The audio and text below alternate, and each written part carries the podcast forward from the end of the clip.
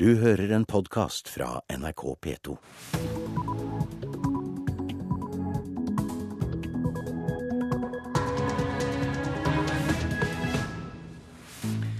Da kan vi slå fast at det er blitt eh, fredag 17. februar, og nå klokka halv sju så er Øystein Heggen i studio med disse hovedsakene. FNs hovedforsamling fordømmer brudd på menneskerettighetene i Syria og krever president Assads avgang. Byene på Østlandet må legge bedre til rette for togpendlerne. Dersom eh, byene skal få et bedre togtilbud, krever Jernbaneverket. Og publikum er enig. Hvis tilgjengeligheten til togstasjonen er bra, så er det et stort fortrinn. Ja, De må jo legge til rette for parkering på de knutepunktene som er som toget går fra. Lærlinger fra yrkesfag sliter med å takle fysisk tunge arbeidsdager. Tømrere gir seg før de har fylt 30. Og i morgen starter det sagnomsuste karnevalet i Rio nok en gang. Medlemslandene i FN øker presset mot Syrias president og krever at landet retter seg etter Den arabiske ligas fredsforsøk.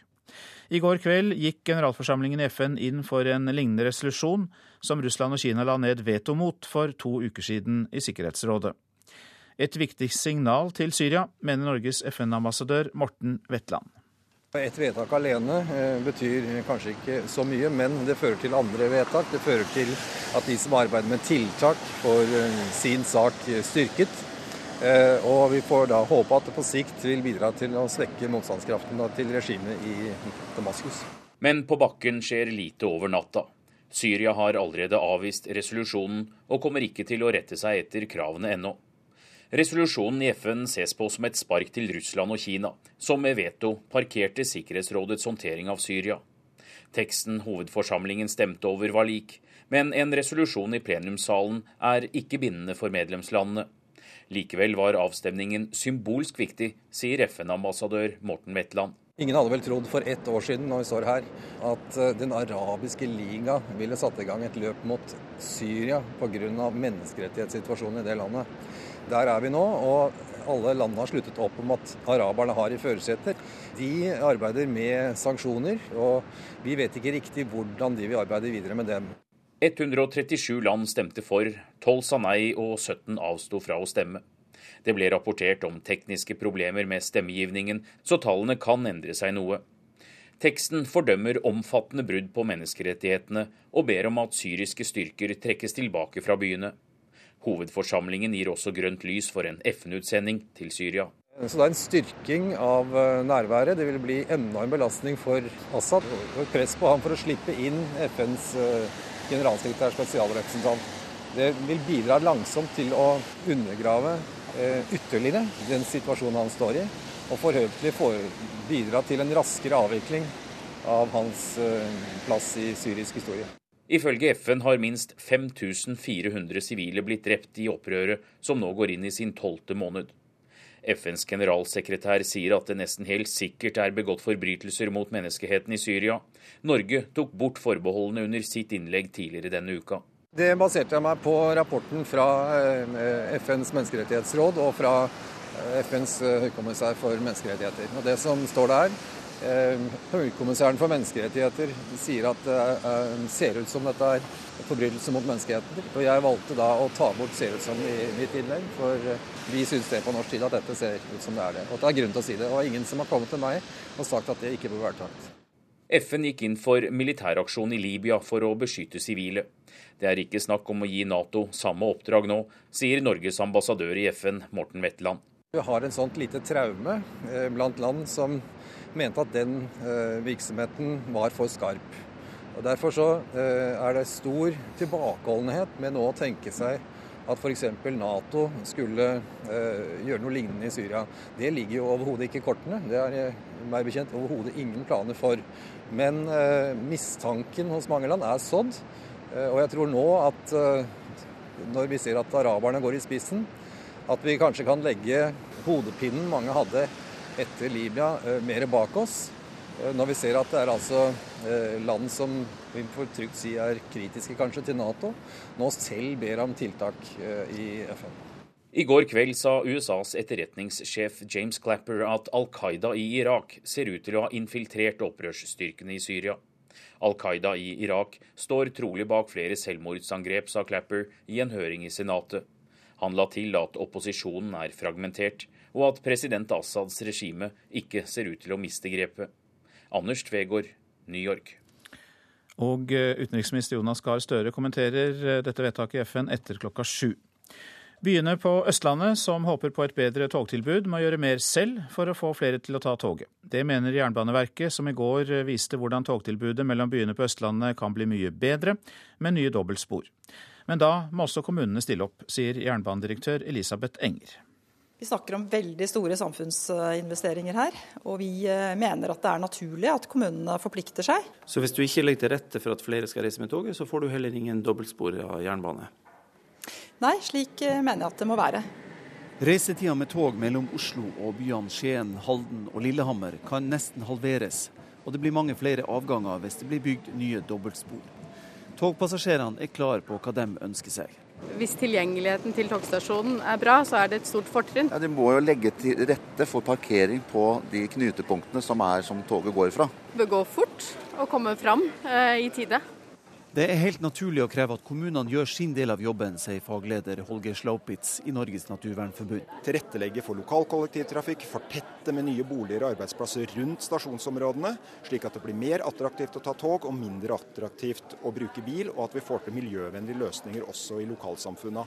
Spørsmålet er om samferdselsminister Magnhild Meltveit Kleppa vil presse kommunene til å inngå avtaler om å legge til rette for at flere skal bruke toget. Eh, det er en interessant eh, tenkning, eh, men det er noe som vi må drøfte mye nærmere før jeg gir mitt svar på det.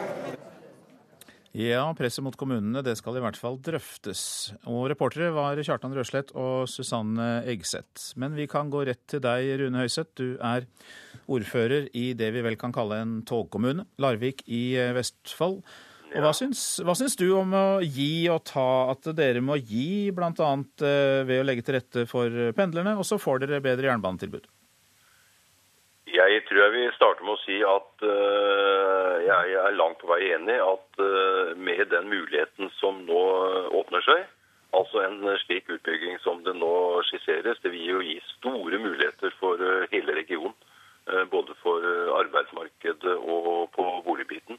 Så, så, langt på vei så skal kommunene etter min mening følge opp, og, og kanskje spesielt det med, med kollektivsatsing. Hvilke muligheter har du i Larvik eh, til å følge opp den oppfordringen fra Jernbaneverket? Det som skjer videre nå, nå er jo vi har et forum som heter eh, Plattform Vestfold. Eh, vi har vært i dialog med Jernbaneverket og alle Vestfold-kommunene. Det er en sånn partssammensatt utvalg hvor både LO, NHO og partene i arbeidslivet som sagt er med i det forumet. Eh, så vi kommer nå til å jobbe videre. Én eh, ting er trasévalg og kollektivknutepunkter, men det er ikke noe tvil om det er også en sånn arealmessig bit. Det her vil jo frigjøre arealer, eh, og da åpner det seg igjen muligheten for å, å ha en, si, en samfunnsnyttig utvikling av, av de arealene. Hvordan vil dette frigjøre arealer?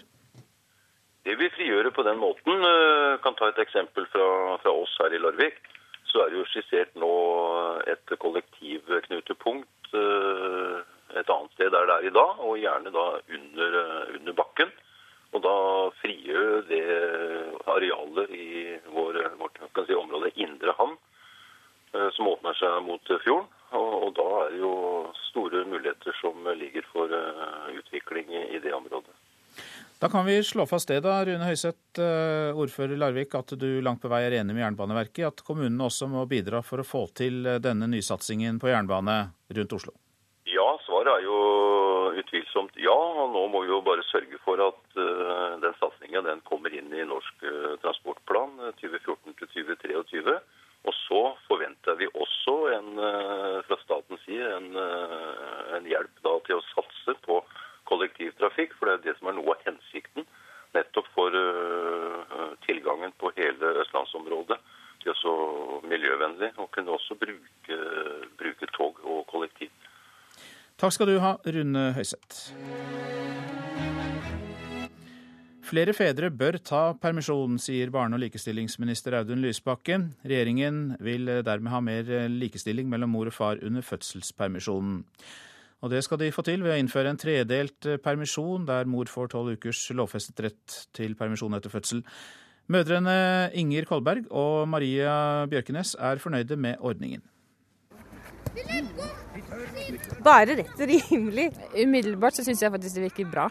Mødre på sidelinja på fotballtrening hos Frigg i Oslo synes det er bra at mor nå får utvida rett til permisjon etter fødselen fra seks til tolv uker. I likhet med den eh, som er for far.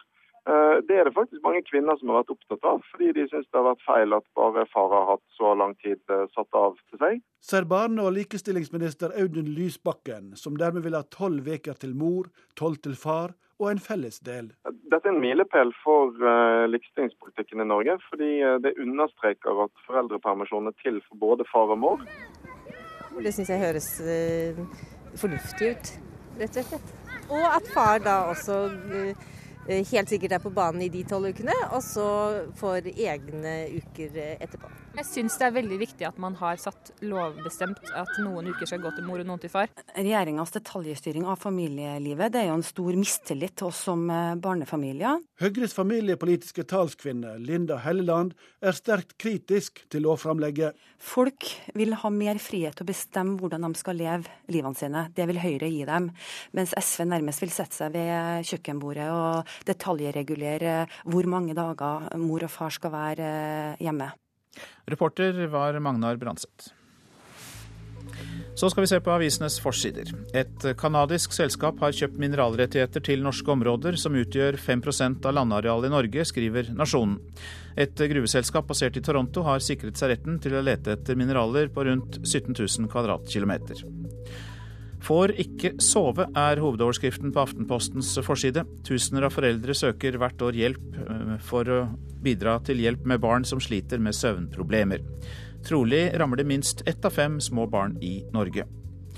Høyres Nikolai Astrup rekker ut hånden til Fremskrittspartiet og inviterer til klimasamarbeid, skriver Klassekampen. Astrup mener at regjeringen saboterer det gjeldende klimaforliket, og ønsker å vedta et nytt forlik med Frp. Vil skru igjen oljekrana, er Dagsavisens apropos til sentralbanksjefens tale i går. Øystein Olsen vil bruke mindre oljepenger fordi det norske oljefondet kan tape 1000 milliarder kroner de neste 20 årene. Frykt for hevn etter drapet ved asylmottaket i Dale, skriver Stavanger Aftenblad. Politiet måtte i går stoppe pårørende og venner som prøvde å tvinge seg fram til åstedet. Frp vil gjøre det vanskeligere for asylsøkere å bevege seg fritt, skriver avisa. Ordførere frykter at veimilliarder kan gå tapt for Trøndelag, skriver Adresseavisen. Årsaken er at kommunene i Nord- og Sør-Trøndelag ikke klarer å bli enige om hvilke løsninger de skal ha for vei og bane mellom Trondheim og Steinkjer. Naboer skremt av eksplosjonsfare på Laksevåg og økt forurensning av Byfjorden, skriver Bergens Tidende. De frykter at farlig avfall skal kunne eksplodere når det skal behandles ved bedriften SAR AS. Bedriften avviser risikoen. Endte opp med å jobbe gratis, skriver Vårt Land. Tonje Dalbakk forteller at en ulønnet praktikantstilling ble hennes vei inn i arbeidslivet. Norsk studentunion frykter at nyutdannede blir utnyttet som gratis arbeidskraft. Du får eh, million i gevinst, er oppslaget i Dagbladet. Prisfest på boliger i fire år til, står det der. Og Dagens Næringsliv skriver om prisutviklingen i de mest populære hytteområdene her i landet. Galskap på veiene, står det på VGs forside. Avisa viser skrekkbilder fra trafikken, bl.a. av mannen som ble tatt med tre reinsdyr i baksetet og to i bagasjerommet. Statusen til VM i snøbrett vil øke etter mesterskapet i Oslo. Det mener Norges største snøbrettstjerne Torstein Horgmo. Han har for første gang i karrieren valgt å prioritere nettopp et verdensmesterskap. Det har ikke betydd noe for meg å kjøre VM eh, før den her, egentlig. Men nå har det vært liksom riktig folk bak det, og det har blitt stort, da. Det har blitt ordentlig VM, liksom. Så for meg har det betydd eh, masse å bare fått, fått være med, egentlig. Norges største snøbrettstjerne Torstein Horgmo prioriterte for første gang i karrieren et VM. Fortsatt er store internasjonale konkurranser som X Games eller det å skape snøbrettfilmer det største for de fleste utøverne, men Horgmo tror statusen til VM vil øke, mye takket være arrangementet i Oslo. VM kommer sikkert til å bli mye større neste, neste gang de arrangerer, etter de har eh, arrangert, eller når de er ferdig med det eventet her nå. Så har jo VM en helt annen status. Det er NRKs ekspertkommentator Jonas Greve enig i. Vi har på en måte satt standard nå med internasjonal klasse på Pipen, internasjonal klasse på Slopestyle. Så dette er standarden de er nødt til å følge heretter. Reporter Kristine Norvik Skeide. Du lytter til Nyhetsmorgen, og klokka passerte nettopp eh, kvart på sju. Dette er hovedsaker. FNs eh, hovedforsamling fordømmer brudd på menneskerettighetene i Syria og krever president Assads avgang. Byene på Østlandet må legge bedre til rette for togpendlerne dersom byene skal få et bedre togtilbud. Det krever Jernbaneverket. Og ordføreren i Larvik var langt på vei enig her i Nyhetsmorgen for litt siden. Færre nordmenn reiser med Hurtigruten. Selskapet har seg selv å takke, sier ekspeditører på anløpsstedene. Snart skal vi høre om det. Men noe ganske annet enn Hurtigruten og norskekysten, det er karnevalet i Rio.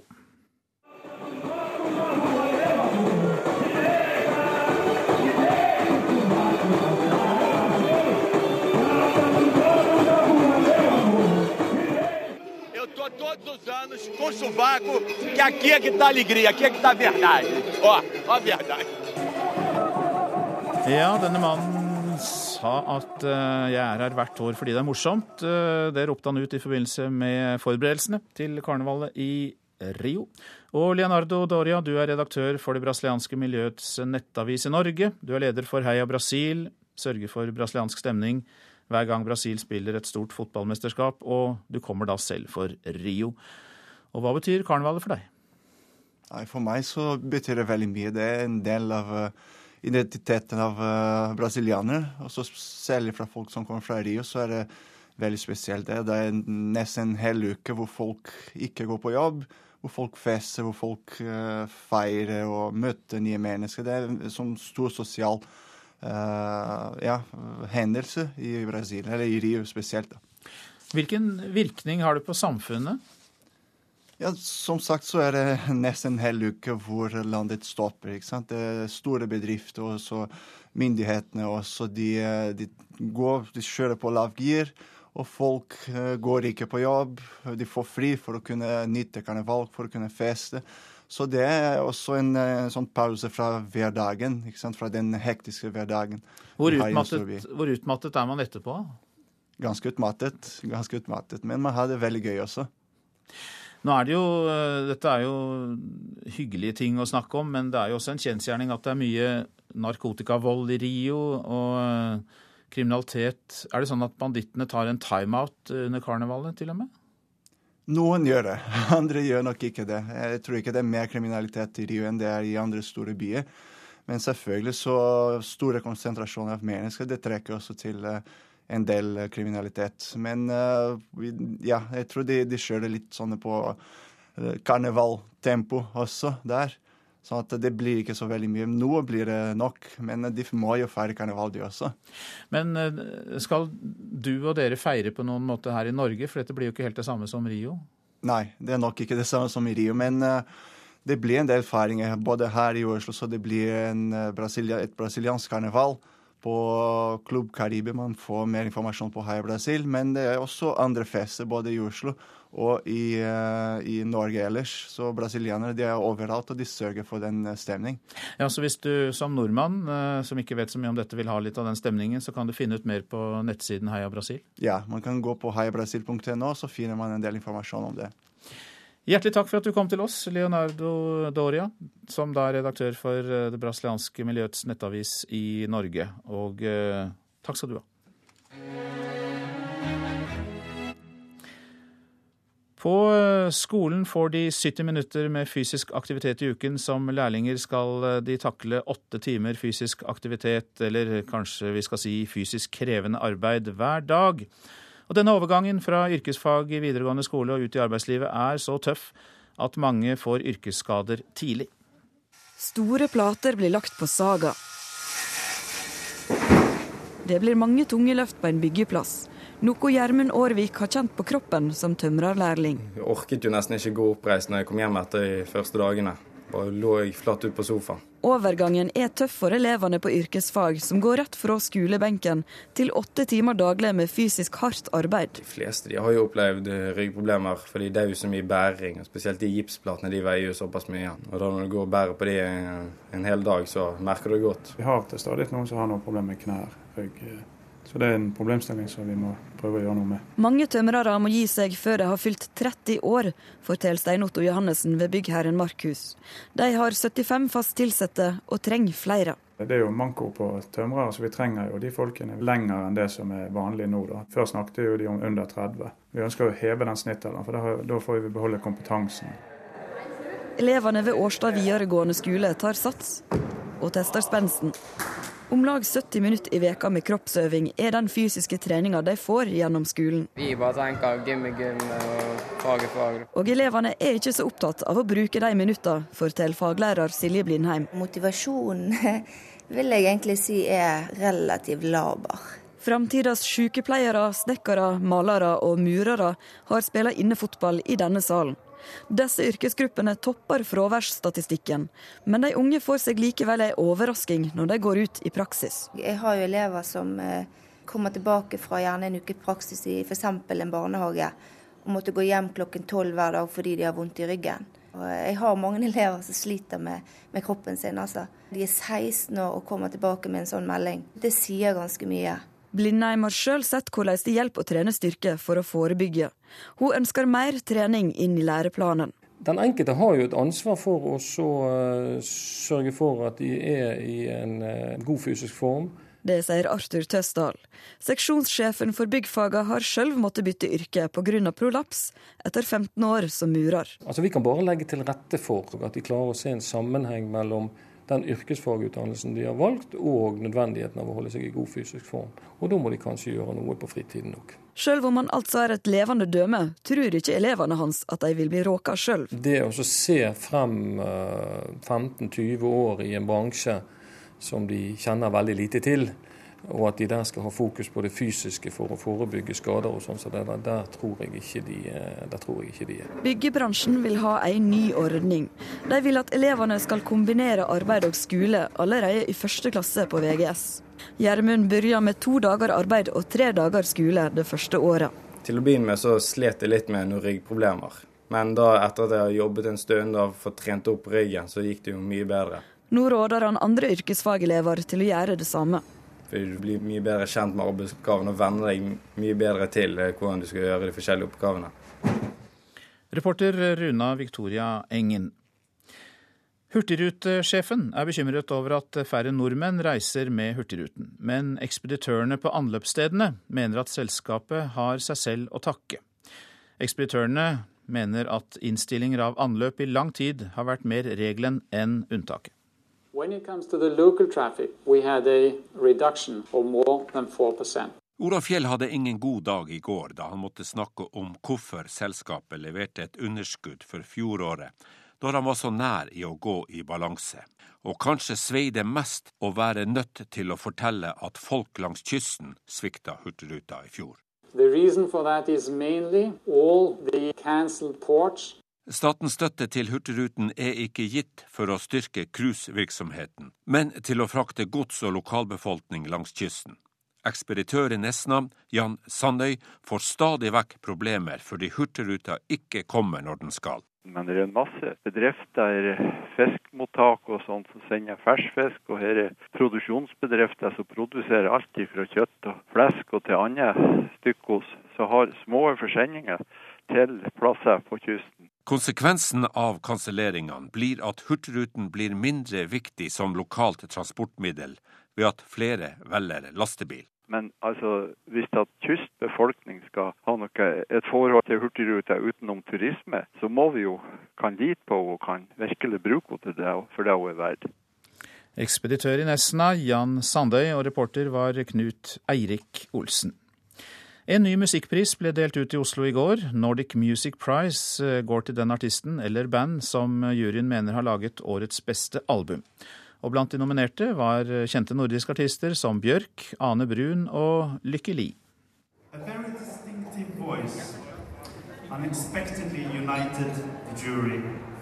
I Kulturkirken Jakob i Oslo er det duket for den andre Nordic Music Prize gjennom tidene. Hundrevis har tatt turen for å få med seg hvem som stikker av med prisen, og på scenen står juryformannen med vinnerkonvolutten.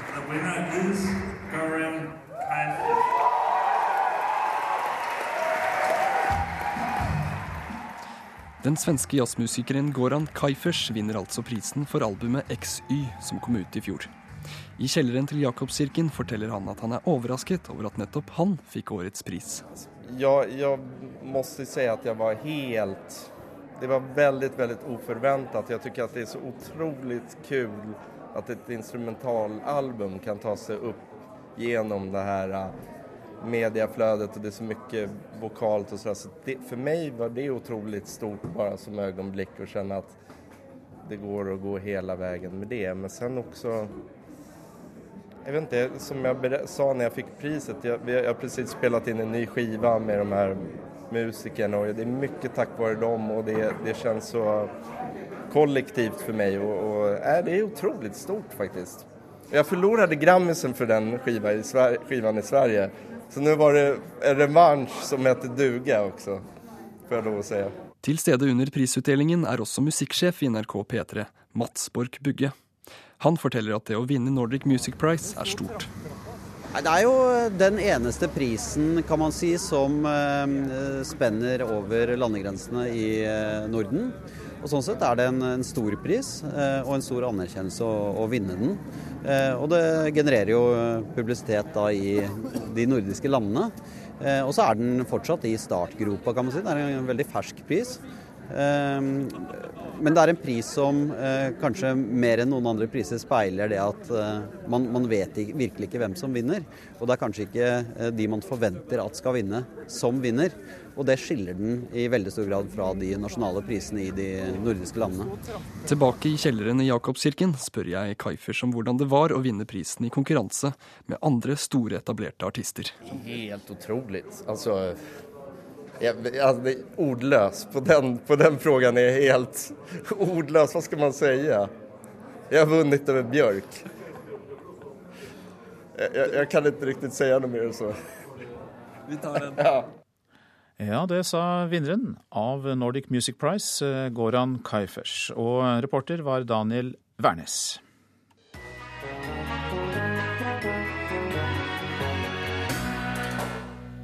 I tre byer verden over skulle israelske diplomater sprenges i lufta, og skal vi tro israelsk etterretning, er det Iran som står bak. Det er ekstremt spent mellom de to erkefiendene i Midtøsten, og resten av verden holder pusten. Vi ser nærmere på forholdet Israel-Iran i Radioselskapet etter Dagsnytt klokka 11. Så noen ord om eh, været fram til midnatt. Fjell i Sør-Norge, enkelte snøbyger i vest. Eh, for øvrig stort sett opphold og perioder med sol. Østlandet får for det meste pent vær i dag, men utrygt for lokal tåke. I eh, hovedsak da øst for Oslofjorden og Mjøsa. I kveld sørvestlig bris og tilskyende igjen. Telemark får det meste pent vær, men noe mer skyer i indre strøk. I kveld sørvestlig bris, opp i frisk bris på kysten og tilskyende. I østlige deler av Agder blir det opphold og perioder med pent vær i dag. Ellers muligheter for enkelte regnbyger. Snø i høyden. I kveld til tilskyende. Etter hvert litt regn i vest og snø i høyden. Rogaland får enkelte regnbyger i dag. I kveld sørlig liten kuling og regn. Nedbør som snø i høyden.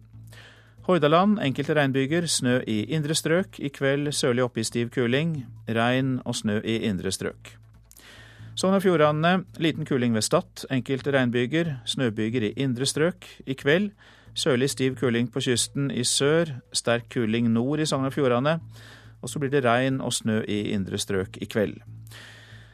Møre og Romsdal og Trøndelag kan vi se samlet. Liten periodevis stiv kuling på kysten. Sludd- og snøbyger. Regnbyger i lavlandet. I kveld sørøstlig liten kuling utsatte steder og litt lettere vær i nordlige strøk av Møre og Romsdal. og i indre strøk av Trøndelag.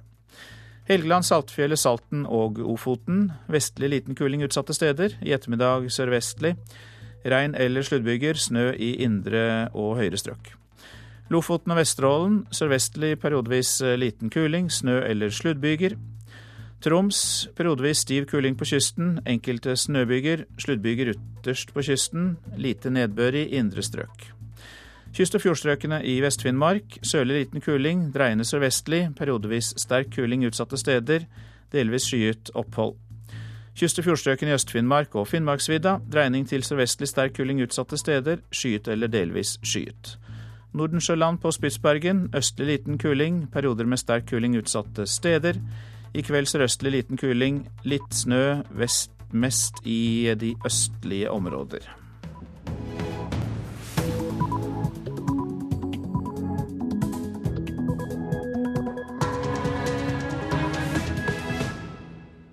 Klokka den er sju, og du lytter til P2s Nyhetsmorgen. Her er Øystein Heggen i studio i dag, og vi har denne nyhetsoppdateringen.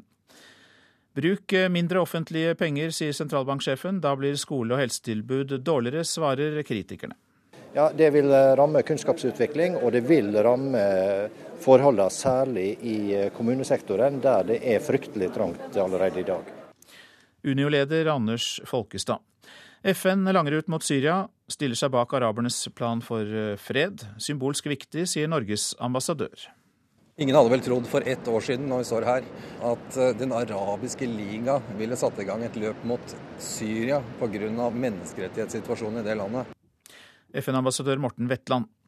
Skal byene på Østlandet ha et bedre togtilbud, så må de få flere til å bruke toget, mener Jernbaneverket.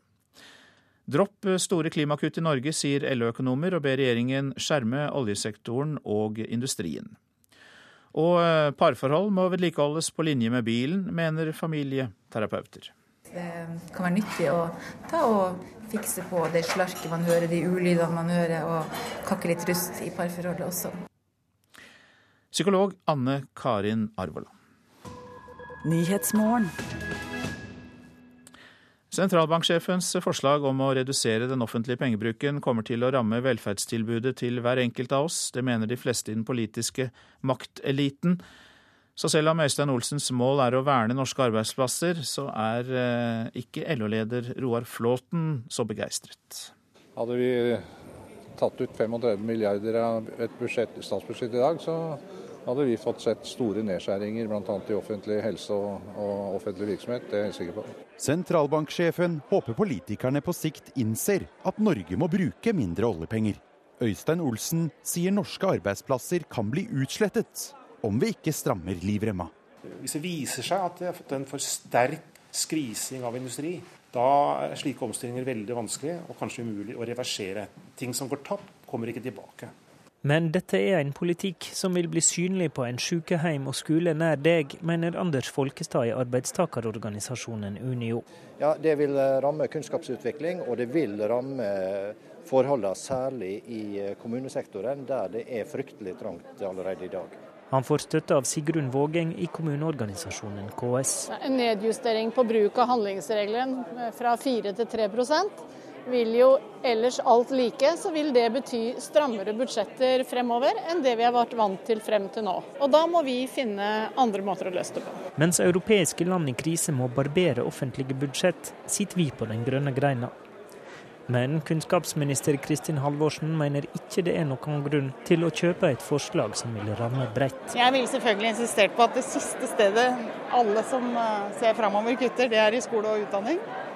Men hvis en skulle kutte 34 milliarder kroner, så ville det ramma de fleste sektorer. Frp argumenterer ofte for mer oljepengebruk, og er heller ikke tilhenger av Øystein Olsens forslag. Men, understreker Ketil Solvik-Olsen, det ville faktisk vært mulig å gjennomføre uten at det gikk utover folk flest. Ja, Hvis du isolert sett kutter 34 milliarder kroner og ikke gjør noe annet, så vil du måtte merke det. Men jeg tror at hvis du tenker effektivisering av offentlig sektor på en annen måte enn det den rød-grønne regjeringen har gjort, så vil du ikke nødvendigvis måtte merke det. Du vil måtte kutte på en del av byråkratiet og sånne ting. Men hvis du investerer mer i en effektiv infrastruktur, så vil du kunne få en mer effektiv økonomi som vil levere varene og tjenestene billigere. Reportere var Sindre Heyerdahl og Håvard Grønli. Og økonomikommentator her i NRK, Steinar Mediås, velkommen. Takk skal du ha. Det er jo absolutt ikke helt Hellas, dette her, men det er likevel første gang på lenge at man kanskje hører om en viss eh, tanke om moderasjon, innstramming i Norge. Hvor sterk virkning ville det hatt å kutte disse 35 milliardene? Ganske mye. Eh, altså det, 34 milliarder kroner, det, det, høres jo kanskje ikke mye ut når det er snakk om bare en prosent eh, av et oljefond, men det er enormt mye i et budsjett. Og det kommer samtidig med at, har, at det offentlige får stadig nye oppgaver. For mye av det som gjør at vi kan holde full damp i Norge, er jo en betydelig innvandring. En rekordstor innvandring på over 50 000 mennesker årlig.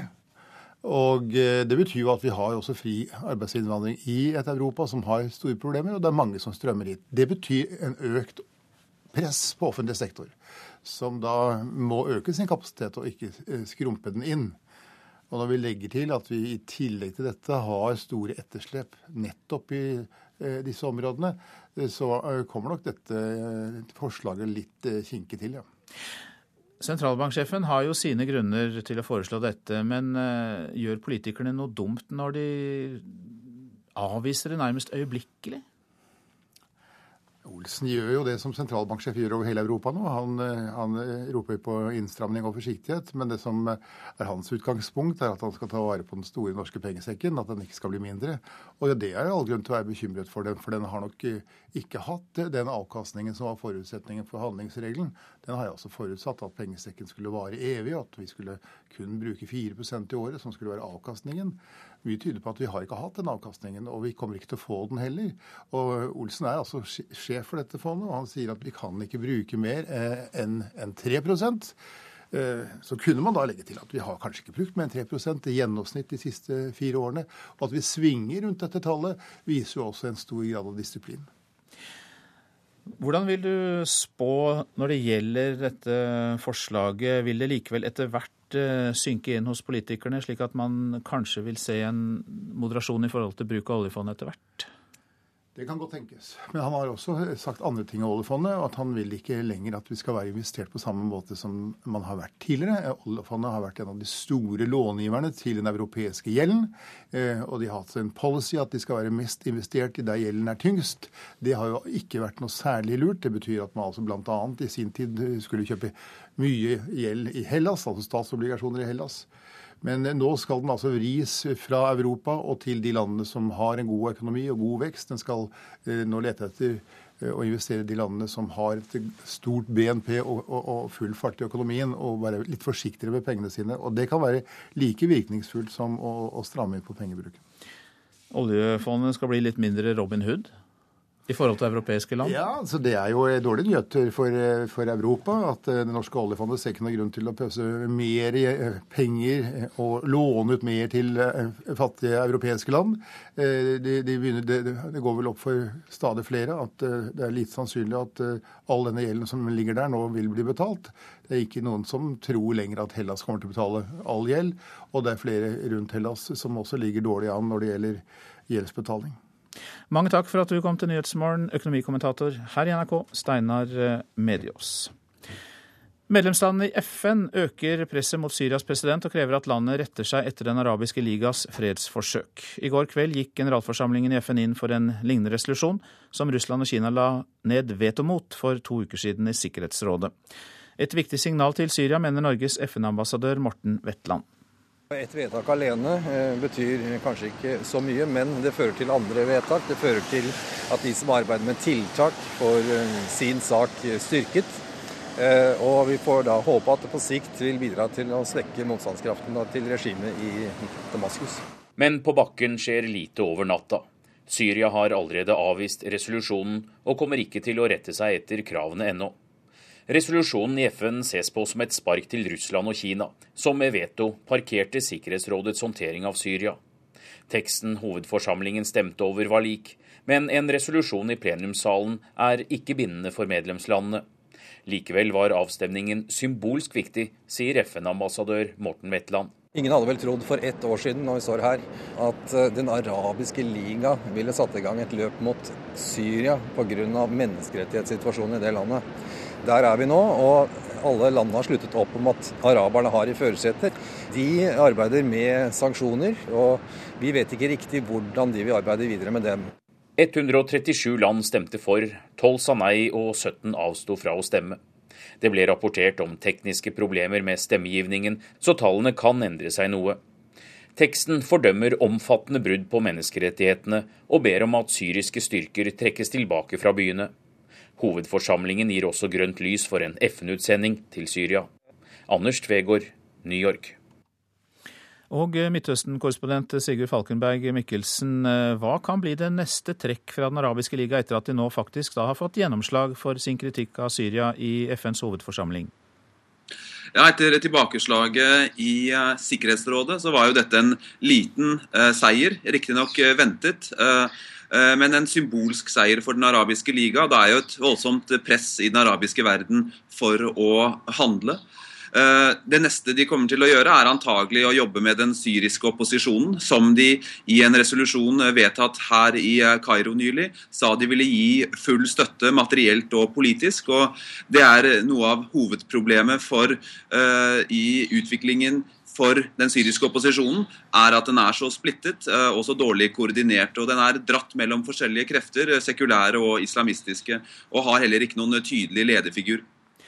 Mer støtte til opposisjonen kan altså en av følgene bli, som du sier, eh, Sigurd. Men eh, hvilken virkning kan resolusjonen ha på myndighetene i Syria? Vi hørte jo FNs, uh, Syrias FN-ambassadør uh, Bashar Jafari si at dette var en ytterligere isolering og en oppmuntring til ytterliggående krefter. de virker som de har bestemt seg for å ikke gi seg på noen som helst måte. Og så lenge de har støtte fra Russland, Kina og Iran, så kan de holde på en god stund. Sånn at vi ser nok en tendens til en eh, langvarig konflikt. Hvem hadde for ett år siden trodd at Den arabiske liga ville satt i gang et løp mot Syria pga. menneskerettighetssituasjonen? Det er sitat fra Norges ambassadør til FN, Morten Wetland, som vi nettopp hørte. Ja, hva er det som har endret seg så dramatisk på dette året, Sigurd Falkenberg Mikkelsen? Dette er jo et resultat av hele den, disse voldsomme omveltningene som eh, foregår i den arabiske verden. Uh, Syria uh, er et av de aller vanskeligste landene og et av de mest, den mest, aller mest dramatiske og dødelige situasjonen, med et unntak av Libya så lenge. Syria har gått gjennom en voldsom transformasjon. Det begynte som fredelige de, protester. Gikk, hadde deretter glidd over i et mer væpnet opprør. Uh, og som etter hvert da har fått stor støtte fra den sunnimuslimske majoriteten i den arabiske liga. Men det vi også ser, er et splitte mellom den sunnimuslimske majoriteten og den sjiamuslimske minoriteten. Syria har fortsatt støtte fra f.eks. Hizbollah, uh, stor og viktig gruppe i Libanon, og uh, Irak holder seg relativt passive til dette. og så sier de også da med en viss rett at hvorfor lukker verden øynene for det som skjer i Bahrain, og bare bryr seg om det som skjer i Syria. Og eh, avslutningsvis, Sigurd Falkenberg Mikkelsen. Eh, hva vet du om eh, forholdene i Syria akkurat nå? Der pågår militæroperasjonene for fullt rundt om i opp de opposisjonssterke byene. Det siste vi hører, er at de har startet en offensiv i Dera, helt sør i landet, der, der opptøyene startet for nå snart et år siden. Og Så får vi også rapporter om, en, om at 19 mennesker skal være drept i Idlib-provinsen, inkludert 11 fra den samme familien. Men dette kommer fra aktivistene og er helt umulig for oss å eh, bekrefte uavhengig. Mange takk skal du ha, Sigurd Falkenberg Mikkelsen, som altså er vår Midtøsten-korrespondent.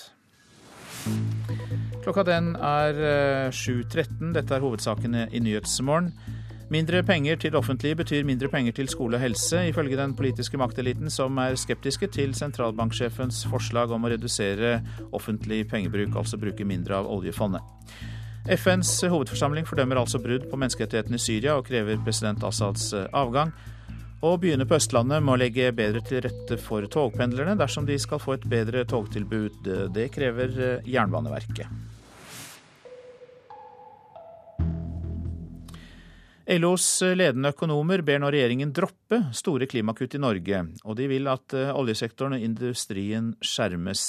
De tar et oppgjør med en klimadebatt de mener eh, er basert på dårlige analyser.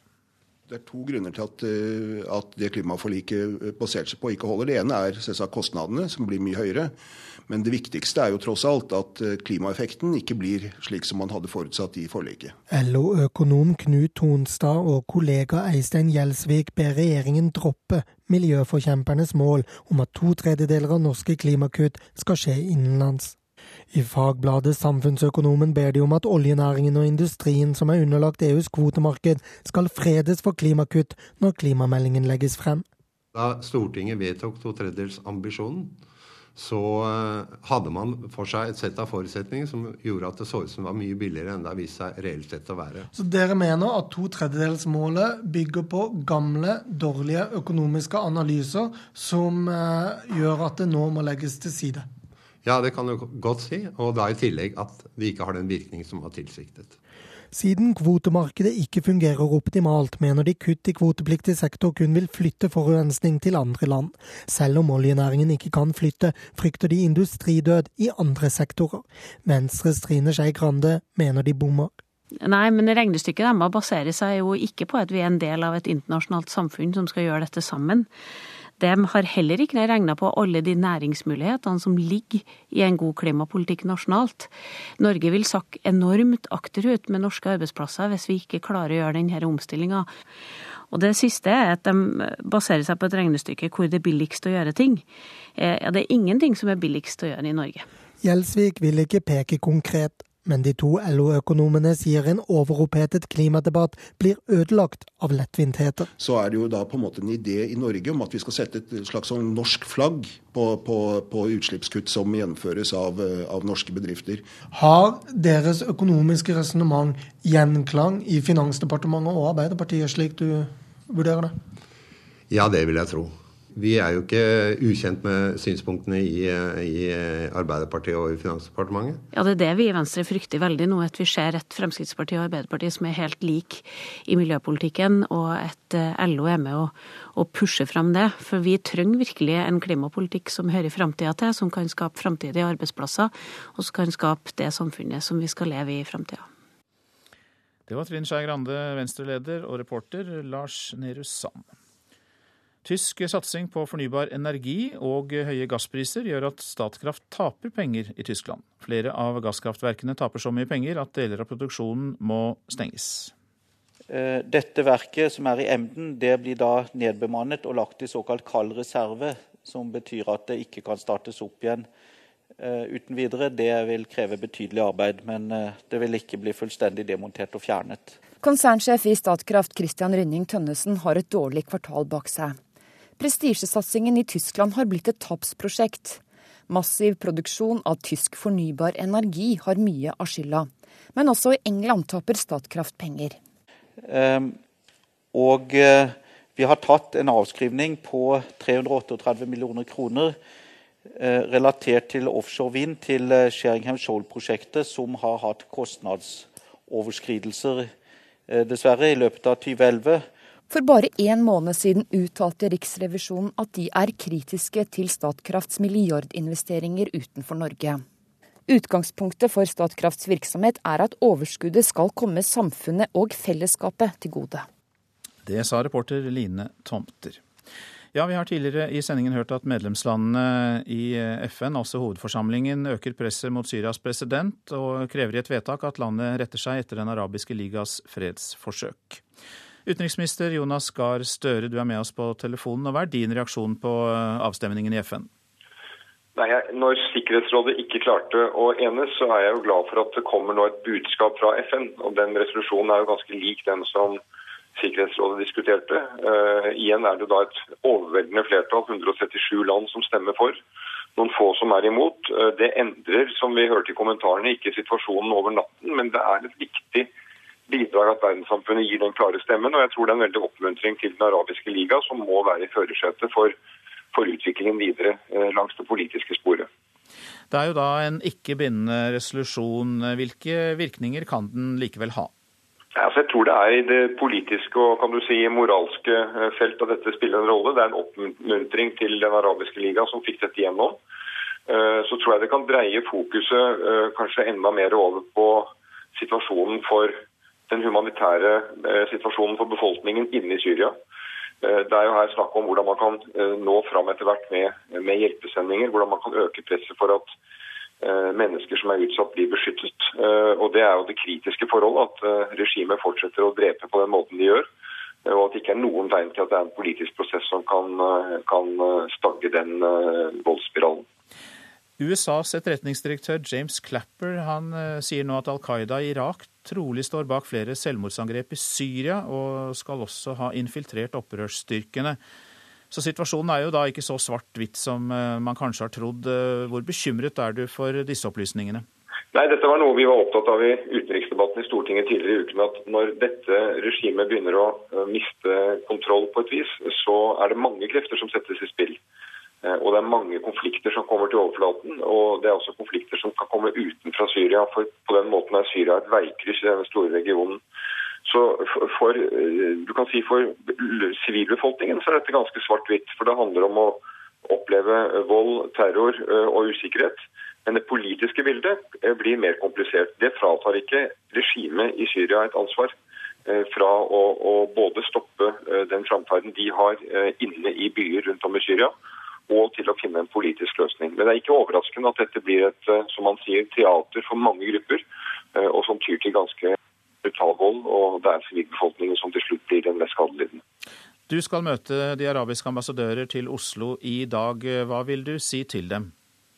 Ja, Nå er det dette toveiskommunikasjon, vil jeg si. Det blir interessant å høre dem. Hvordan de nå tenker veien videre fra den arabiske Eh, liga fra, fra, den arabiske befolkningens politiske ledere, hvordan de tenker. Som ambassadør Wetland sa her, det hadde vært ganske utenkelig for et år siden at vi hadde den situasjonen at de arabiske land var i førersetet for et slikt press mot et eget land. Og Så vil jeg dele det som er Norges syn. Det kjenner de godt tror jeg, etter hva som har vært våre debatter de siste dagene. Og så forbereder jeg selv en reise til regionen, og da er det nyttig å få innspill fra, fra de ambassadørene som er i Oslo.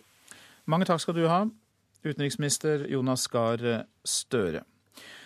Og for de som skal ut og fly i europeisk luftrom i dag, så er det viktig å vite at det kan bli store forsinkelser. Grunnen er at 200 flygeledere i Frankfurt fortsetter å streike fram til klokka 22 i kveld. Halvdagsstreiken i går førte til at mer enn 150 fly på Europas eh, tredje travleste, fly, travleste flyplass ble innstilt. Dagens streik i Frankfurt vil sannsynligvis skape enda flere problemer. Flygelederne streiker etter at flyplassledelsen har avvist deres eh, lønnskrav. Så noen ord om avisenes eh, forsider i dag. Et canadisk selskap har kjøpt mineralrettighetene til eh, norske områder, som utgjør 5% av landarealet i Norge, skriver Nasjonen. Et gruveselskap basert i Toronto har sikret seg retten til å lete etter mineraler rundt, på rundt 17 000 kvadratkilometer. Får ikke sove er hovedoverskriften på Aftenpostens forside. Tusener av foreldre søker hvert år hjelp eh, med barn som sliter med søvnproblemer. Trolig rammer det minst ett av fem små barn i Norge.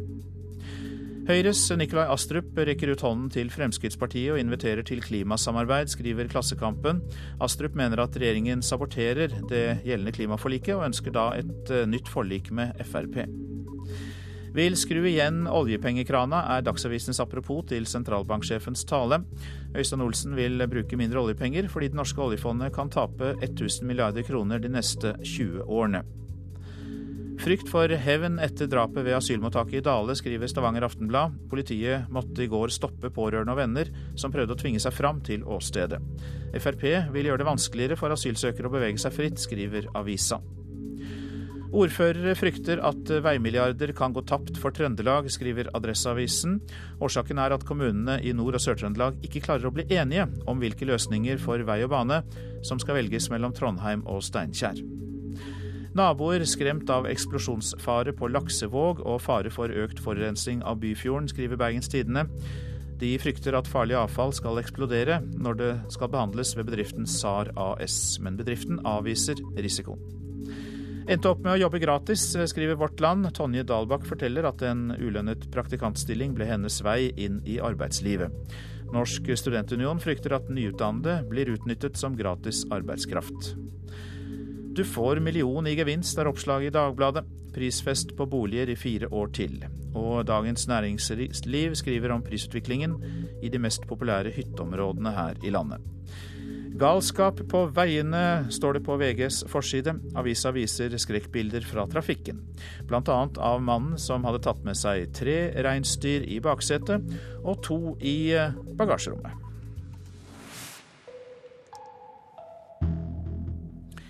Skal man eh, leve godt i parforhold, så må det vedlikeholdes. Det mener psykolog Anne Karin Arvola ved familievernkontoret i Harstad. Denne uken har hun holdt lunsjforedrag om hva som skal til for å få parforhold til å fungere. Og noe av det viktigste er å lære seg å lytte, sier Arvola.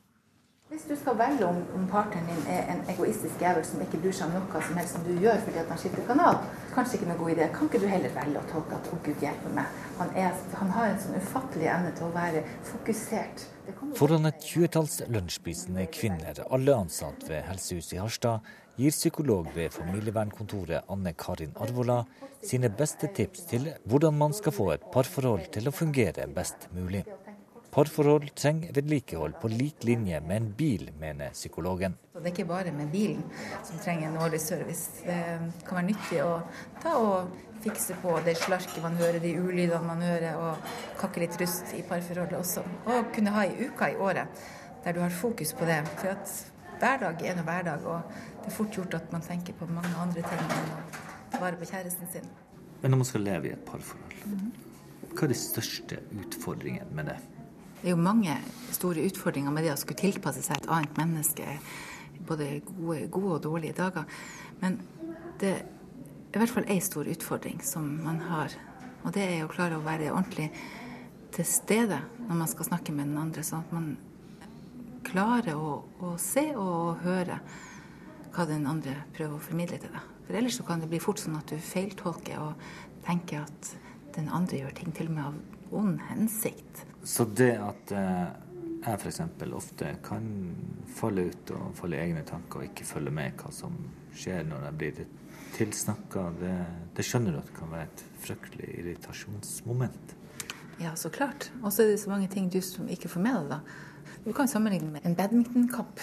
Hvis du, hvis du ikke er til stede så at du klarer også å spille ballen tilbake på en god måte, så eh, enten så slutter hun å spille baller over til deg, eller så innimellom så kommer du med sånne harde, flate baller tilbake igjen, som gjør at det blir et veldig skittent og dårlig spill. Det vil jo bestandig svinge, det tror jeg. Men eh, med respekt for hverandre og ærlighet i forholdet, så tror jeg man kommer veldig langt. Dagrun Storflor, som snart skal gifte seg, hadde stort utbytte av lunsjforedraget. Jeg har lært at man må være åpen for at man er forskjellig, og ta høyde for det. Og huske på det man faktisk blir glad i. Men i ditt forhold, hva, hva er de verste konfliktene som, som du har opplevd?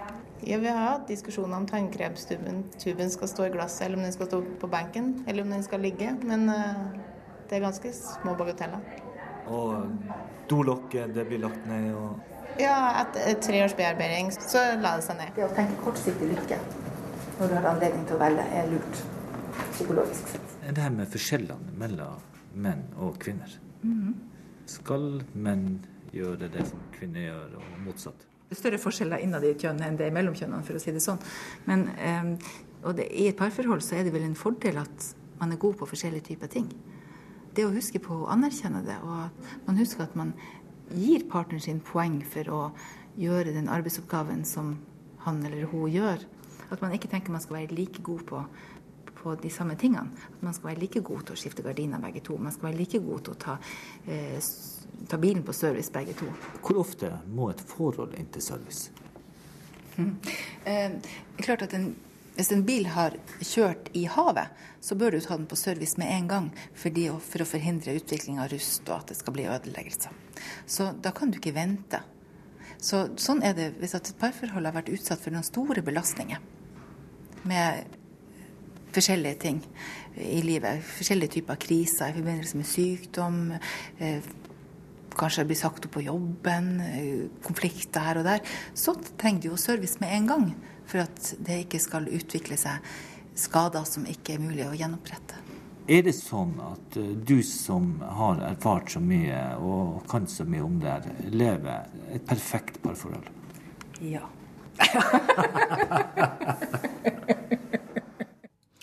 Ja, intet mindre. Det var det så perfekt kunne vi høre.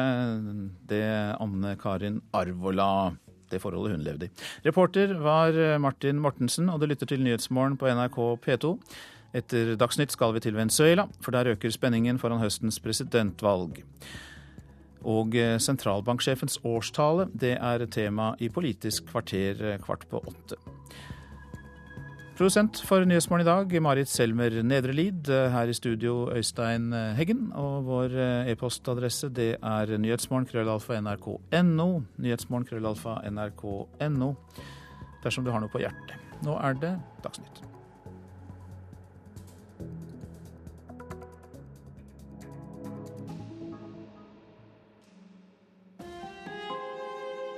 Hør ekko. I Malmö, nei, nei, i Malmö jag känner inte mig säker, men i jag känner mig säker. Vi, vi alla måste bära vapen. Ja. I en innvandrergetto i Malmö er det våpnene og frykten som råder. Hvorfor Malmö og ikke Oslo? Ekko 9 til 11 i NRK P2. Mange tusen sivile er drept av syriske soldater. Nå ber FN president Assad om å trekke seg. Bruk mindre offentlige penger, sier sentralbanksjefen. Da blir skole- og helsetilbudet dårligere, svarer kritikerne. Og barna ble alvorlig syke av vaksinen mot svineinfluensaen. Nå vil de ha erstatning. Her er NRK Dagsnytt, klokken er 7.30. Ja, minst 5400 sivile er drept i opprøret i Syria, som startet for snart et år siden. FN øker nå presset mot landet. I et vedtak i går så fordømte et flertall i FNs generalforsamling voldsbruken i landet, og oppfordrer president Bashar al-Assad til å trekke seg. Midtøsten-korrespondent Sigurd Falkenberg Mikkelsen, hvordan er reaksjonene i de arabiske landene på vedtaket i FN?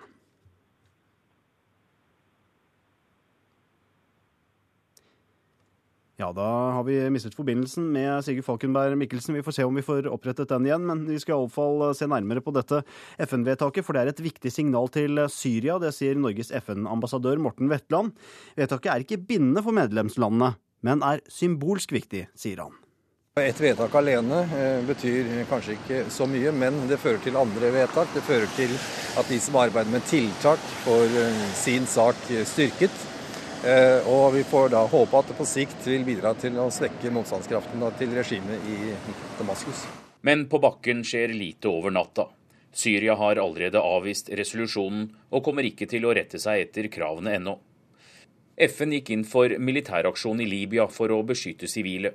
Det er ikke snakk om å gi Nato samme oppdrag nå, sier Norges ambassadør i FN, Morten Wetland. Vi har en sånt lite traume eh, blant land som mente at den eh, virksomheten var for skarp. Og Derfor så eh, er det stor tilbakeholdenhet med nå å tenke seg at f.eks. Nato skulle gjøre noe lignende i Syria. Det ligger jo overhodet ikke i kortene. Det er meg bekjent overhodet ingen planer for. I går kveld sa USAs etterretningssjef James Clapper at Al Qaida i Irak ser ut til å ha infiltrert opprørsstyrkene i Syria. Al Qaida i Irak står trolig bak flere selvmordsangrep, sa Clapper i en høring i Senatet. Han la til at opposisjonen er fragmentert, og at president Assads regime ikke ser ut til å miste grepet. Anders Tvegård, New York. Ja, Fra New York så skal vi til Kairo, for vi gjør et nytt forsøk på å få med Sigurd Falkenberg Mikkelsen. Hvordan er reaksjonene i de arabiske landene på vedtaket i FN? Det er et veldig sterkt trykk fra arabisk opinion. Dramaet i Syria følges tett på av alle de arabiske TV-kanalene. og Det er et krav om at noe må gjøres. og For mange så føles nok dette som et skritt på veien. Samtidig ser vi et økende splitte mellom regionens shia- og sunnimuslimer. Men for opposisjonen så føles dette som en seier. og De har jo bedt om tydelig internasjonal støtte og føler at de har fått det i hvert fall i symbolsk i FN nå i, nå i natt. Men Hvordan er forholdene for sivilbefolkningen i Syria nå? Den er fortsatt dramatisk i de områdene hvor det foregår militære operasjoner. Vi hører nå at det er startet en offensiv i Dera, der demonstrasjonene begynte for snart et år siden. Det fortsetter også kampene i Homs. Så har vi fått meldinger om at 19 mennesker er drept i Idlib nord i landet, inkludert 11 fra den samme familien. Men Dette kommer fra aktivistene og er helt umulig å bekrefte uavhengig for oss. Men vi hørte jo FNs generalsekretær Ban Ki-moon eh, sa i går at det nesten sikkert er begått forbrytelser mot menneskeheten i Syria. Takk skal du ha, Sigurd. I Kariell utenfor Vadsø er brannen i et garasjeanlegg nå under kontroll, men det er fortsatt fare for at gassflasker inne i bygget skal eksplodere. Derfor er alle beboere innenfor en radius på tre kilometer evakuert. Helse- og skoletilbudet rammes dersom sentralbanksjefens forslag om å bruke mindre offentlige penger følges. Det mener flere sentrale politikere og organisasjonsfolk. Og selv om Øystein Olsens mål er å verne norske arbeidsplasser, så er heller ikke LO-leder Roar Flåten begeistret. Hadde vi tatt ut 35 milliarder av et budsjett, statsbudsjett i dag, så hadde vi fått sett store nedskjæringer bl.a. i offentlig helse og, og offentlig virksomhet. Det er jeg sikker på. Sentralbanksjefen håper politikerne innser at Norge må bruke mindre oljepenger. Øystein Olsen sier norske arbeidsplasser kan bli utsletta om vi ikke strammer livreima. Ting som går tapt, kommer ikke tilbake. Men dette er en politikk som vil bli synlig på en sykehjem og skole nær deg, mener Anders Folkestad i arbeidstakerorganisasjonen Unio. Det vil ramme forholdene særlig i kommunesektoren, der det er fryktelig trangt allerede i dag. Han får støtte av Sigrun Vågeng i kommuneorganisasjonen KS. En nedjustering på bruk av handlingsregelen fra 4 til 3 vil jo ellers alt like, så vil det bety strammere budsjetter fremover enn det vi har vært vant til frem til nå. Mens europeiske land i krise må barbere offentlige budsjett, sitter vi på den grønne greina. Men kunnskapsminister Kristin Halvorsen mener ikke det er noen grunn til å kjøpe et forslag som vil ramme bredt. Hvis en skulle kutte 34 milliarder kroner, så ville det ramme de fleste sektorer. Sa Kristin Halvorsen. Reportere var Sindre Heierdal og Håvard Grønli. På én uke har antallet barn som søker erstatning etter narkolepsi økt fra 20 til 30, skriver VG. Etter massevaksineringen mot svineinfluensa høsten 2009 fikk 35 barn narkolepsi. Sigurd Bergsund, Bergsrud er en av dem. Hvis jeg blir veldig sliten og lukker, øh, lukker opp øya, liksom, da sovner jeg, så detter jeg f.eks. på en stein. Det kan være veldig dumt. Hvis vi hadde kjent til at eh, ett barn for hvert titusende vaksinering eh, ville fått denne tilstanden narkolepsi, så tror jeg at vår vurdering ville vært eh, annerledes. Det sa helsedirektør Bjørn Inge Larsen i Dagsnytt 18 i går. 2,2 millioner nordmenn fulgte høsten 2009 helsemyndighetenes råd om å la seg vaksinere mot svineinfluensa. Forrige uke fikk seks barn som hadde søkt om erstatning, medhold i sine krav. Nå har altså tallet på erstatningskrav økt fra 20 til 30 på ei uke. Sa reporter Eva Marie Strand. Regjeringen vil ha mer likestilling mellom mor og far i fødselspermisjonen. Målet er at flere fedre skal ta permisjon, sier barne- og likestillingsminister Audun Lysbakken. Det skal gjøres ved å innføre en tredeling av permisjonen, der mor nå får tolv ukers lovfestet rett til permisjon etter fødselen. Det rett og rimelig. Umiddelbart så syns jeg faktisk det virker bra. Mødre på sidelinja på fotballtrening hos Frigg i Oslo synes det er bra at mor nå får utvida rett til permisjon etter fødselen fra seks til tolv uker. I likhet med den uh, som er for far. Uh, det er det faktisk mange kvinner som har vært opptatt av, fordi de syns det har vært feil at bare far har hatt så lang tid uh, satt av til seg. Ser barne- og likestillingsminister Audun Lysbakken, som dermed vil ha tolv uker til mor, tolv til far og en fellesdel. Regjeringas detaljstyring av familielivet det er jo en stor mistillit til oss som eh, barnefamilier. Høyres familiepolitiske talskvinne Linda Helleland er sterkt kritisk til lovframlegget. Folk vil ha mer frihet til å bestemme hvordan de skal leve livene sine. Det vil Høyre gi dem. Mens SV nærmest vil sette seg ved kjøkkenbordet og detaljregulere hvor mange dager mor og far skal være eh, hjemme. Ja, Det sa Linda Helleland i Høyre, reporter Magnar Branseth. Byene på Østlandet som håper på et bedre togtilbud, må gjøre mer for å få flere til å ta toget. Det mener Jernbaneverket, som i går viste hvordan togtilbudet mellom byene på Østlandet kan bli mye bedre med nye dobbeltspor. Men da må også kommunene stille opp, sier jernbanedirektør Elisabeth Enger.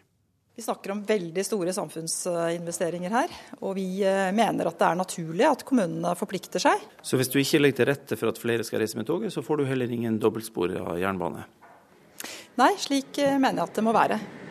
Reisetida med tog mellom Oslo og byene Skien, Halden og Lillehammer kan nesten halveres, og det blir mange flere avganger hvis det blir bygd nye dobbeltspor. Togpassasjerene er klar på hva de ønsker seg. Hvis tilgjengeligheten til togstasjonen er bra, så er det et stort fortrinn. Ja, De må jo legge til rette for parkering på de knutepunktene som er som toget går fra. Det bør gå fort og komme fram eh, i tide. Det er helt naturlig å kreve at kommunene gjør sin del av jobben, sier fagleder Holger Slaupitz i Norges naturvernforbund. Tilrettelegge for lokal kollektivtrafikk, fortette med nye boliger og arbeidsplasser rundt stasjonsområdene, slik at det blir mer attraktivt å ta tog og mindre attraktivt å bruke bil, og at vi får til miljøvennlige løsninger også i lokalsamfunna. Ja, reporter her, det var Kjartan Røslett. Statusen til eh, snøbrett-VM kommer til å øke etter mesterskapet i Oslo. Ja, Det mener Norges største snøbrettstjerne Torstein Horgmo, som for første gang i karrieren valgte å prioritere et verdensmesterskap. Det har ikke betydd noe for meg å kjøre VM eh, før den her, egentlig. Men nå har det vært liksom riktig folk bak det, og det har blitt stort. da. Det har blitt ordentlig VM, liksom. Så for meg har det betydd eh, masse å bare fått, fått være med, egentlig. Ja, Det sa Torstein Horgmo. Ansvarlig for eh, Dagsnytts eh, morgensendinger i dag, det er Bjørn Christian Jacobsen. Teknisk ansvarlig Hanne Lunås. Jeg heter Arne Fossland.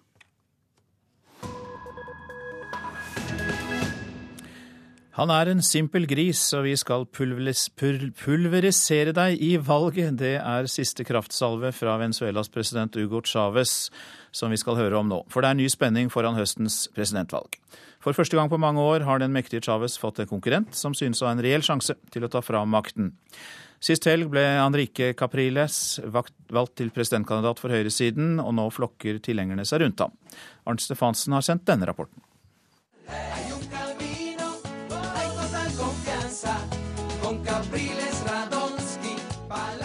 De synger hans pris og håper på et politisk under. Den 39 år gamle guvernøren Enrique Capriles Radonski er mannen som skal utfordre Venezuelas mektige president Hugo Chávez ved valget i oktober i år.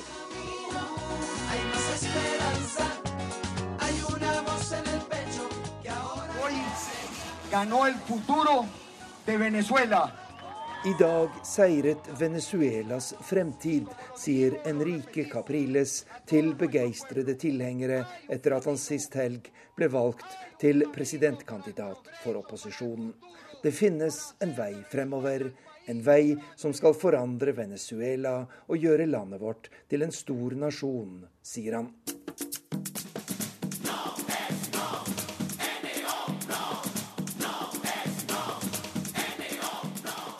Det siste tiåret har vært et sørgelig kapittel for Venezuelas høyreopposisjon.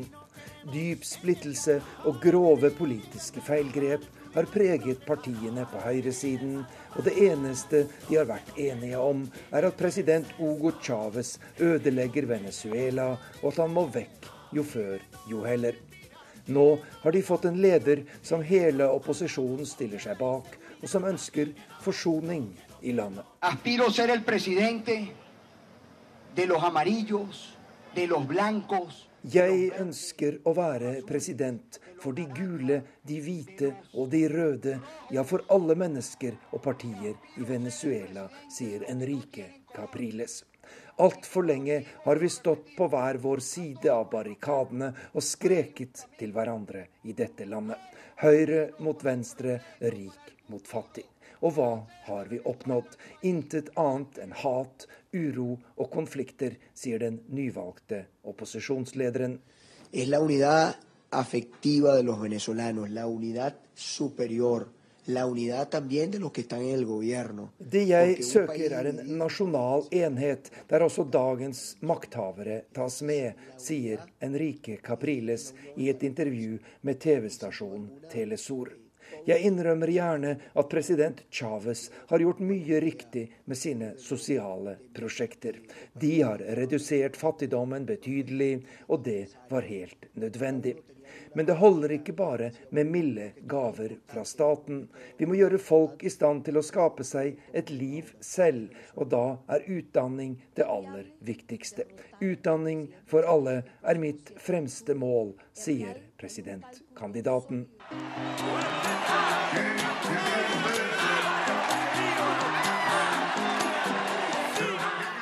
Hugo Chávez har styrt Venezuela siden 1999. Han har vunnet en rekke valg og folkeavstemninger, og han er fortsatt landets mest populære politiker. Men hans autoritære lederstil er blitt skarpt kritisert, og økende kriminalitet og korrupsjon har den siste tiden svekket tilliten til ham, også i egne rekker. Dette er hovedsakene i Nyhetsmorgen. FN fordømmer voldsbruken i Syria og oppfordrer presidenten til å trekke seg. Skole- og helsetilbudet blir rammet dersom vi reduserer den offentlige pengebruken, svarer politikerne på sentralbanksjefens forslag. Og dropp store klimakutt i Norge og skjerm oljesektoren og industrien, sier LO-økonomer. Ja, Siri Hjørts, du er programleder for Politisk kvarter, og der er sentralbanksjefens årstale tema. Ja, for når sentralbanksjefen tar til orde for å tukle med selve leveregelen for finanspolitikken, så skaper det politiske bølger.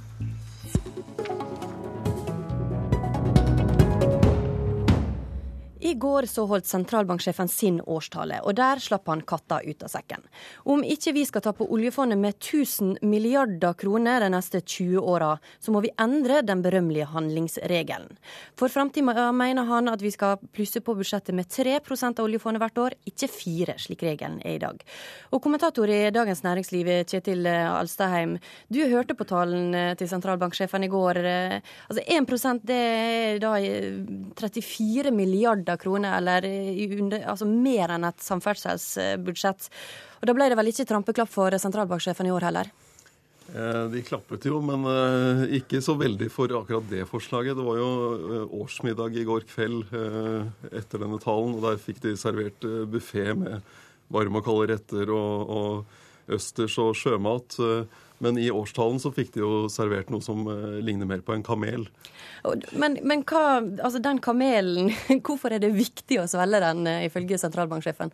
Fordi man har sagt at oljefondet skal være en slags sånn evighetsmaskin som skal gi oss en permanent strøm av inntekter. Men det sentralbanksjefen da sier, er at tjener ikke, oljefondet tjener ikke så mye penger i aksjemarkedet og på obligasjoner så at vi kan ta ut 4% hvert år. Vi må justere den ned til 3% ellers så spiser vi av formuen. Og da blir det mindre igjen til eh, våre etterkommere. Hvor viktig er råd fra eh, sentralbanksjefen når eh, de kommende budsjettene skal spikres? Jeg tror det kommer til å påvirke hele budsjettdebatten. Fordi man har, etter at handlingsregelen kom, så er det blitt etablert som en sannhet at hvis du holder deg på 4% oljepengebruk, så er du ansvarlig.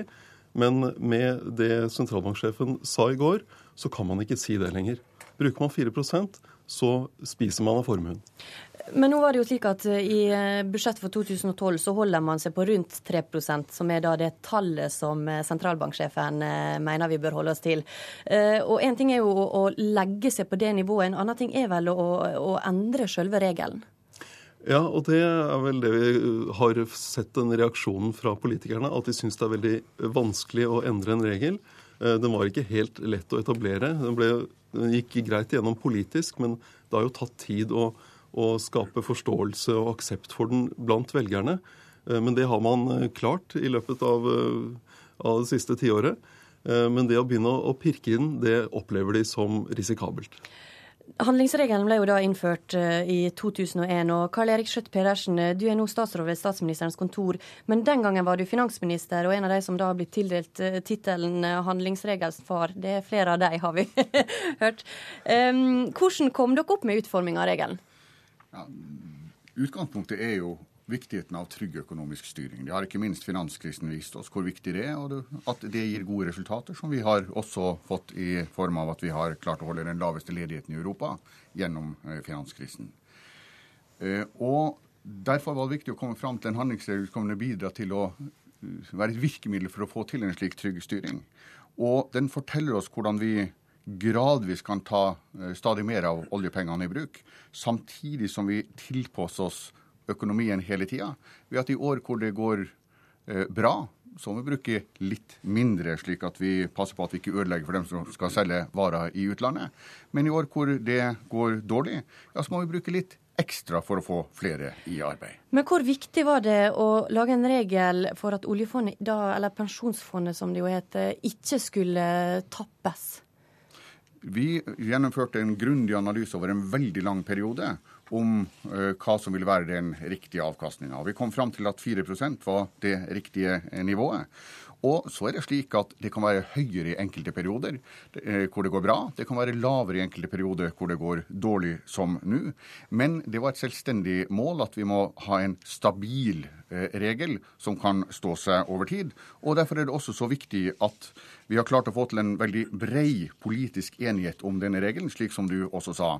Og husk at alle partiene i Stortinget utenom Fremskrittspartiet har jo stilt seg bak denne regelen. Det er veldig bra. Det er veldig viktig. Det viser at både politikerne og folk kan forholde seg til den.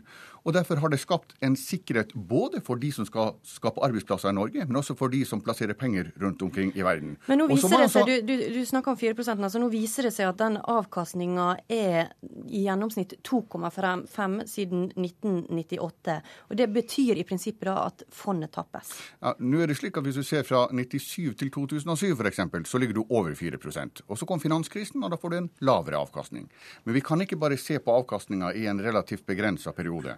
Når vi kom fram til 4% så så vi det over en veldig lang periode, og mente at det var et riktig grunnlag. Og jeg tror at det er veldig viktig å holde på denne stabiliteten. Og det er viktig at de som skal ansette folk i Norge, har noe stabilt å holde seg til. Det er viktig at de som ser på Norge fra utlandet, har noe stabilt å holde seg til. Derfor er det viktig med den brede politiske enigheten som har vært om det. Så er jo spørsmålet om denne politiske enigheten vil vedvare. For det er jo ett parti som har vært imot det, og det er Fremskrittspartiet. Og de kan nå få innflytelse gjennom en Høyre-Fremskrittsparti-regjering. Da skal vi snu oss til Fremskrittspartiets finanspolitiske talsmann eh, Ketil Solvik-Olsen. Frp vil som kjent bruke mer penger enn det handlingsregelen eh, tillater. Hva sier du da til sentralbanksjefens anbefaling om å redusere fra 4 til 3% av oljefondet? Ja, sentralbanksjefens utgangspunkt er jo at han vil at finansformuen skal være størst mulig. Vår tilnærming er jo at vi heller vil ha mer realkapital i Norge, større produksjonsevne i framtiden. Det er bedre om vi i framtiden lever av mer av vår egen produksjon enn at vi skal bli rentist, altså leve av inntektene fra oljefondet. Denne debatten her viser jo at når Stoltenberg og andre prøver å si at 4 er en objektiv regel som er den beste, så ser vi jo at her er det altså stor uenighet. Norges Bank mener 3 I utgangspunktet når Kjøtt Schjøtt-Pedersen vedtok dette, så var deres beregninger 4,75 Hadde vi hatt 4,75% som de da altså regna seg fram til selv, men runda ned av praktiske årsaker, så hadde òg Frp sine budsjett vært godt innenfor ansvarlighetens uh, greie. Ja, det, som, det som, jeg syns er viktig her, det er jo heller å diskutere hvordan vi bruker ja, pengene Nå diskuterer vi pengebruken. Og Jan Tore Sanner, eh, det er jo riktig det som Ketil Ketil Solvik-Olsen her sier, at dette, altså, den avkastninga ikke er slik eh, som man anslo i utgangspunktet. Likevel vil også dere beholde regelen slik den er i dag? Ja, Vi mener at det er viktigere hva vi bruker pengene på, enn om vi bruker 3 eller 4% Så dere går med på å tappe oljefondet slik vi gjør i dag? Ja, nå, nå, nå, er det jo ikke entydig at uh, avkastningen kun vil være 3% Det er riktig som Skjøtt-Pedersen sier, at hvis du velger et annet tidsintervall, så var avkastningen høyere. Men jeg mener at det er en veldig viktig debatt eh, som sentralbanksjefen reiser. Fordi at han minner oss om hva som var utgangspunktet da handlingsregelen ble vedtatt. Nemlig at oljepengene ikke er en gave til én generasjon, men at oljepengene skal komme også våre barn og barnebarn til gode. Og bruker vi for mye oljepenger, vel så tar vi fra våre barn og barnebarn. Det andre er at jo mer oljepenger vi bruker, jo mer, eh, jo mer rammer vi og bygger vi ned konkurranseutsatt næringsliv. og Derfor er det viktig at vi holder orden i økonomien, og at vi ikke bruker for mye penger. Og så må vi ta den ballen sentralbanksjefen reiste i fjor, nemlig at pengene skal brukes til å bygge landet, til å satse på infrastruktur, kunnskap og vekstfremmende skattelettelser. Kjetil Solvik-Olsen, når dere da vil bruke mer, så tar dere fra eh, kommende generasjoner? Nei, Jeg er enig i perspektivet som, som her tas opp, at vi skal ikke bruke penger bare fordi de fins. Vi skal sørge for at kommende generasjoner får glede av dem. Men si, sånn, sånn, som vi sier på Jæren, det er jo bedre at vi vedlikeholder fjøset enn at vi sparer oss til fant og har mye penger på, på, i banken mens fjøset forfaller. Og Det er det samme jeg mener vi må se på, på norsk økonomi. Hvis vi kan bruke litt av oljeformuen til å sørge for at infrastrukturen er bedre, forskningsmiljøene er bedre, at vi importerer medisinsk utstyr, så er det bedre for Norge og for kommende generasjoner enn at vi bare konsentrerer oss om hvor mye penger vi har investert i utenlandske aksjer. Men, men da er det, da er det viktig... Nei, nå må du slippe til, Skjøtt Pedersen. Denne diskusjonen er jo veldig interessant. For den viser jo betydninga at vi har en regel som har brei og allmenn tilslutning. Og det har vært helt avgjørende for at vi har kommet igjennom denne finanskrisen på en så god måte som Norge har gjort, at vi har hatt en trygg økonomisk styring, og at vi har lagt handlingsregelen til grunn. Det vi er vitne til nå, det er jo en diskusjon mellom de to som tar, har ambisjon om å sitte sammen i regjering, Sanner og Solvik-Olsen, hvor de er dundrende uenige om grunnleggende prinsipper for styringa av norsk økonomi. Og det understreker jo hvor viktig handlingsregelen er for at både de som skal skape arbeidsplasser, vet hva vi kan forholde oss til, at omverdenen vet hva vi kan forholde oss til. Og Derfor har vi også klart å få så gode resultater. Én ting er jo at vi har den laveste ledigheten i Europa. Men vi har altså skapt nesten 300 000 nye arbeidsplasser siden 2000. Men dette vil jo være gjennomgangstema nå fram mot neste valgkamp. Hvor uenige dere er om bruken av oljepenger. Og Sanner, hva er ditt svar på det? Ja, Det er at eh, Karl Eirik Schjøtt Pedersen kan senke skuldrene. Mm. Høyre holder orden i norsk økonomi. Eh, og jeg er helt overbevist om at Høyre og Fremskrittspartiet kommer til å bli enige om hvordan vi skal bruke pengene. Jeg mener at det er en, eh, den, den, eh, den, den debatten som Schjøtt Pedersen forsøker å fyre opp under, den har du også mellom Arbeiderpartiet, SV og Senterpartiet. Senterpartiet har tatt til orde for at du skal bruke langt mer oljepenger. Eh, Høyre og Fremskrittspartiet har litt ulik innfallsvinkel til hvor mye penger vi skal bruke. Men vi er enige om at vi skal bruke mer penger på samferdsel, på kunnskap og vekstfremmende skattelettelser. Det er viktig for det øvrige næringslivet i Norge. Du kan senke skuldrene, Skjøtt Pedersen. Ja, Det som er interessant, er jo at det ikke er som fyrer opp denne debatten. Vi hører jo her diskusjonen mellom Solvik-Olsen og Sanner, som er helt uenige om grunnleggende spørsmål for norsk økonomi. Men det var vel slik at dere også var enige med de tre regjeringspartnerne dere imellom? Ja, vi er jo enige. Om å De var uenige før ja, dere gikk i regjering sammen? Men, men vi er jo enige om å legge handlingsregelen til grunn, og vi gjør det i den løpende økonomiske politikken. Og vi har brukt de økonomiske ressursene vi har hatt, til f.eks., apropos det Sanner sier, til å styrke altså satsinga på samferdsel, til å styrke satsinga på forskning, til å styrke satsinga på barnehager. Men vi er enige om den grunnleggende økonomiske styringa. Vi hører her en uenighet som er egentlig ganske dramatisk. Her syns jeg han overdriver. Ja, vi er uenige litt om, om enkeltnivå, men jeg vil bare utfordre Arbeiderpartiet Men enkeltnivå? Altså, ja, det, er jo, det er jo ganske nei, mange la, milliarder i forskjell på deres budsjett. Nei, nei ja, Eller, altså, i, i, år, i år så var det én milliard kroner i forskjell. Er det det som setter norsk økonomi over styr, i en økonomi med et BNP på 2500 milliarder kroner? Det er å overdrive konsekvensene. Men la, la meg, la meg la, altså Skjøtt Pedersen klarer ikke å forklare hvordan Arbeiderpartiet skal finne 900 milliarder kroner til å investere i lyntog innenfor handlingsregelen. Jeg har vært i debatt på Politisk kvarter med Navarsete, som vil endre handlingsregelen for å investere mer i veier. SV vil bruke CO2-avgift fra oljefondet mm. til å investere i industri. Alt dette vil bryte med, med handlingsregelen. Mm. Det, som, det som Høyre og Frp er enige om, det er at vi skal ha en regel på forbruk. Så er vi fortsatt uenige om den regelen også skal gjelde på investeringer. Men der tror jeg, og der er jeg veldig sikker på at vi skal komme til enighet. Skjøtt Pedersen trenger ikke være redd for om, om borgerlig side skal bruke penger fornuftig. Dere skal komme til enighet, Sanner, sånn her, men det gjelder da altså 4% og ikke 3 ja, det, det, det, er riktig. Og jeg er helt enig med Ketil Solvik-Olsen at Høyre og Fremskrittspartiet kommer til å bli enige. Men jeg syns man skal merke seg at eh, det eneste Men, men nå er vi tilbake til utgangspunktet jo, jo. da, i forhold til denne her, hvor fornuftig er det å bruke 4 ja. mens eh, vi faktisk tapper oljefondet? Ja, og, og, derfor mener jeg at det er en viktig debatt som, eh, som sentralbanksjefen reiser. Eh, og at jo mer oljepenger vi bruker, jo mer tar vi også fra våre barn og barnebarn. Men jeg synes man skal merke seg at eh, det eneste argumentet Arbeiderpartiet nå kjører i debatt etter debatt, ja, det, er, men, det, er, Høyre og, og, og Fremskrittspartiet. Det syns jeg viser hvor lite Arbeiderpartiet har farme om dagen. Nå skal vi da høre. altså Du sier at uh, vi ikke skal bruke mer penger enn det handlingsregelen tilsier, for da tar vi fra kommende generasjoner. Solvik-Olsen, kan du svare men, på det? Jo, la, la meg bare veldig kort si at handlingsregelen, handlingsregelen er ikke en absolutt regel. I perioder er det riktig å bruke mer, andre perioder mindre. Det avhenger av situasjonen i norsk økonomi. Og Vi er òg enige at du skal ha en regel som begrenser veksten i offentlig sektor. Det vi har sett under Arbeiderpartiet, er jo at de blåser opp offentlig sektor på, eh, på byråkratisida og andre ting, mens vi ikke får den veksten i investeringer vi skal ha. Forskningsmidlene har vokst med 30% under de rød-grønne, men det er nominell vekst. I realvekst er det null. Offentlige utgifter har vokst med 54% under de rød-grønne. Resultatene taler for seg. Vi har altså den laveste ledigheten i Europa. Vi har høy vekst. Vi har altså et nasjonal transportplan hvor vi øker satsinga på samferdsel med 100 milliarder. Vi, vi, vi, vi, skal, vi skal føre videre den økonomiske politikken som har fått en veldig bred anerkjennelse internasjonalt, ikke minst pga. at vi klarte å etablere en handlingsregel som det er bred enighet om. og Derfor er jeg så overraska over den uenigheten vi nå hører mellom Høyre og Fremskrittspartiet. Kjetil Alstadheim i Dagens Næringsliv, som vi hører på debatten her, så er ikke, det, så er ikke du som sentralbanksjefen får vilja si sånn med det første? Nei, det gjør ikke det. Og det er jo litt interessant å høre både fra Høyre og Arbeiderpartiet her at de mener sentralbanksjefen tar feil når han ikke tror på en avkastning, realavkastning på 4% Nei, på 3% Og Det samme hørte vi jo fra Kristin Halvorsen i går. Og det er jo litt morsomt at lederen i Sosialistisk Venstreparti har større tro på de kapitalistiske markedene enn det Norges Bank har. Så spørsmålet er om de har et bedre grunnlag enn det Øystein Olsen har for å vurdere hva slags avkastning eh, oljefondet faktisk kan få fremover. Og Da må jeg si takk til Carl Erik Skjøtt Pedersen ved statsministerens kontor, Kjetil Solvik-Olsen fra Frp, Jan Tore Sanner fra Høyre og Kjetil Alstadheim fra Dagens Næringsliv. Politisk kvarter det er slutt. Vi er tilbake på mandag, vi. Og det var Siri Gjørts som sto i studio. Du har hørt en podkast fra NRK P2.